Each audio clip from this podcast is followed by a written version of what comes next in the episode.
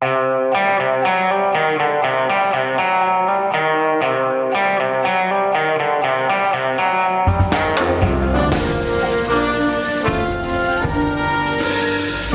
Biden millimeter unna å erklære seg som USAs neste president i natt. Og smitten sprer seg i Det hvite hus. Dette er Giæver og Skartveit, og det er tidlig en lørdag morgen.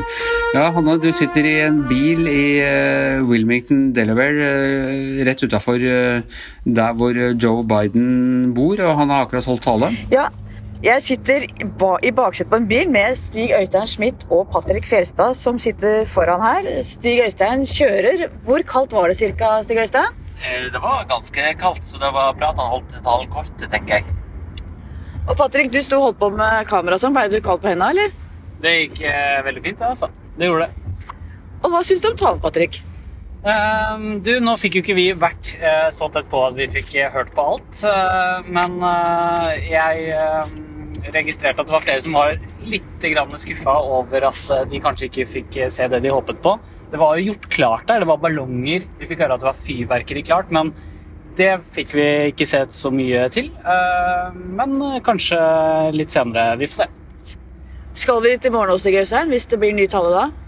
Så klart, så fort tallene fra Pennsylvania, Arizona, Nevada nå faktisk kan erklære presidentskapet på ekte, så må vi jo tilbake igjen her. Det var det vi håpa på at han kom til å gjøre nå. Det skjedde jo ikke, og da var det kanskje bra, han det, eller? Ja, det var bra at det ikke ble en full erklæring. Hva sier du, Anders? Burde han ha erklært seg som president i dag? Jeg er ikke godt nok inne i tallene, men jeg, jeg tenker at det er uh, Man trenger ikke å forhaste seg nå. Vi har venta i fire år på, at, uh, på, dette, og vi kan godt vente kanskje en helg, eh, en uh, helg ekstra. Men jeg syns det var en god tale. og det syns også min, vår kollega Kristina Kinne, som, som, jeg har sett den samme. Hva, hvordan opplevde du Du har vært litt sånn skeptisk til hvor gammel Biden og sånn er, Kristina. Hva syns du om han nå? Nei, Han eh, fremstår jo kjempestødig da, i forhold til eh, den uh, klovnen som han har sett de siste ukene i Donald Trump. Så det var godt å se en tydelig leder som, som, vil Amerika godt, egentlig. Ja. En, en voksen person endelig hjemme i USA, selv om han kanskje i overkant godt, godt voksen. Og Hanne, Eh, Biden er jo, han er jo det USA du og jeg litt sånn nostalgisk lengter etter. ikke sant? Sånn uh, Heal the wounds og uh, United States of America og sånne ting. Er det patetisk, eller er det akkurat det USA trenger nå? Nei, jeg syns ikke det er patetisk. Jeg har tenkt lenge på meg, jeg syns han er for gammel. Han er veldig gammel. Men han er tenker jeg, akkurat det USA trenger akkurat nå. Den erfaringen, eh, den modenheten og hans evne til å bygge bro. Jeg tenkte litt i dag på Lyndon B. Johnson, som jo var visepresident og ble president da John F. Kennedy ble skutt. Han hadde jo også mange mange år bak seg som senator og kunne alle kriker og kroker i Kongressen. Og kunne samarbeide og bruke både pisk og gulrot, og fikk til veldig mye. og, og eh, Joe Biden har jo noe av det samme. Han kjenner Kongressen, han kjenner senata, senatorene, eh, kongressmedlemmene.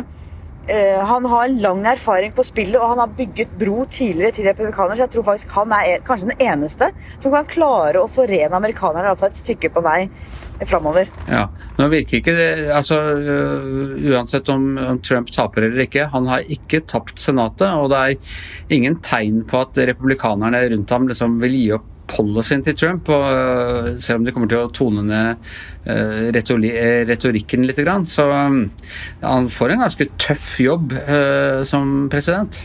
Ja, men jeg tenker at på en måte kan det kanskje være nyttig både for han og USA hvis, han ikke, hvis ikke demokratene også får Senatet.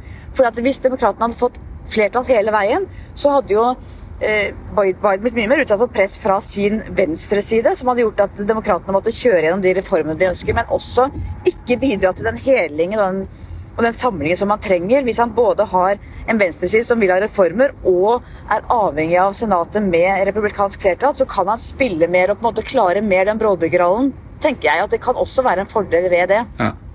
Litt press fra venstresiden er jeg redd han, han var regne med. Ja, jeg, jeg, Absolutt. altså, absolutt. jeg, jeg tror nok at altså, Sanders og venstresiden har vært veldig lojale eh, demokrater. De har stilt seg bak, de har jobba veldig hardt. Vi var nede Kristina og jeg her og så på eh, demonstrasjoner utenfor opptellingen eh, og sånn. Og de, de altså, venstresiden i eh, amerikansk politikk ser på dette som en seier for seg også. Så de kommer nok til å, til å kreve uttelling for det. Absolutt. Og, men det er derfor jeg tenker at Hvis han også har republikansk flertall i senatet, så vil han kunne spille mer. Men det avhenger jo veldig av hva republika republikanerne gjør framover. Om de klarer å rydde eget hus, eller om de fortsetter på den Trump-linja også etter at Trump er ute. For Det er klart at det, fordrer noen voksne hjemme i det republikanske partiet nå, hvis denne nasjonen skal klare å komme seg på beina igjen. Eh, Jeg har ikke sett så veldig mye til de voksne der, som eh, Mitt Romney og Rickson Tarum, som allerede er has-beens. Og, og, men uh, vi får se. Det er von i hangende snøre. Du, ja, vi må også innom at Mark Meadows uh, Unnskyld, jeg var ikke meningen å le. Vet hva jeg skal si? Ja. Mark Meadows, som er stabssjefen til Trump, og som har vært den som visstnok har jazza ham opp mest den siste tiden på at dette valget er fusk og fanteri og døde mennesker som har stemt og uh, Jeg vet ikke hva. Han har nå søren meg klart å pådra seg korona, han også. Altså, Ja, Det hvite hus viser seg å være den verste smittepølen i, eh, i hele USA.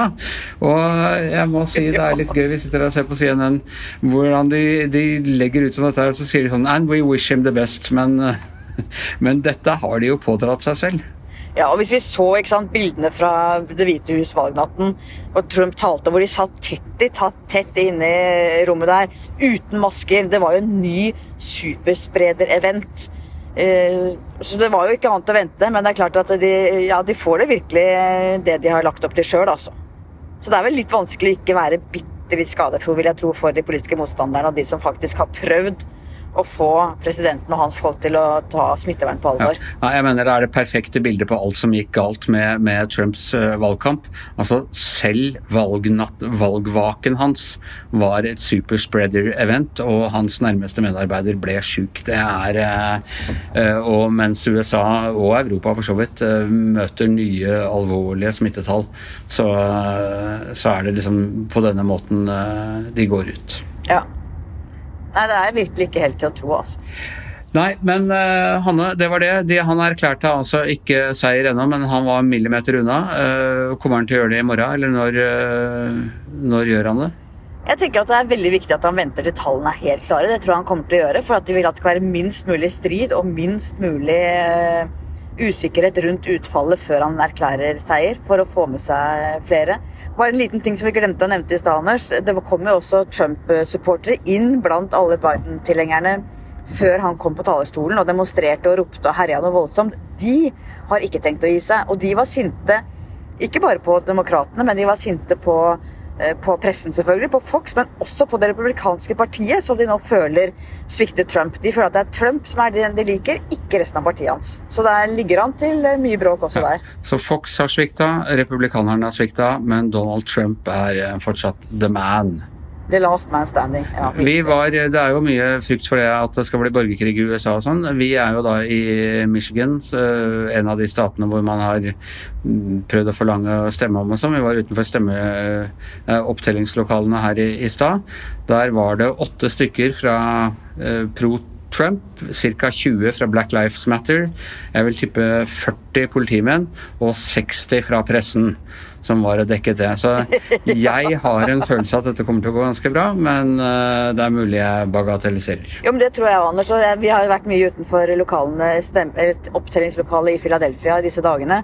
Og der er det noen få Trump-supportere der også, som hyler og skriker, men så er det mange Biden-tilhengere. Og i dag var det ren folkefest i gatene med barn og musikk. og Jeg har heller ikke sett noe tegn nå til de store voldelige opptøyene også. Nei. Eh, folkefest har jeg ikke sett så mye til her i Michigan. Vi sto i baren i stad og prøvde å høre Bidens tale. Da var det tre andre i baren, og de, de var litt nysgjerrige på hvorfor vi var så opptatt av hva som foregikk på TV. Eh, og så så de liksom at å ja, det er han der Biden, og da fortsatte de med samtalene sine. Så ja, ja. Ikke alle er like engasjert i dette, men ingen skal klage på at vår podkast-engasjement eh, i det hele. I en bil i Delaware, eh, Hanne Skartveit, på et hotellrom i Michigan, Anne Skjever. Hjemme i Norge, en eh, mann det ikke er grunn til å tvile på oppslutningen og mandatet til, vår eh, produsent Magne Antonsen. Eh, I morgen høres vi neppe, men vi høres over helgen.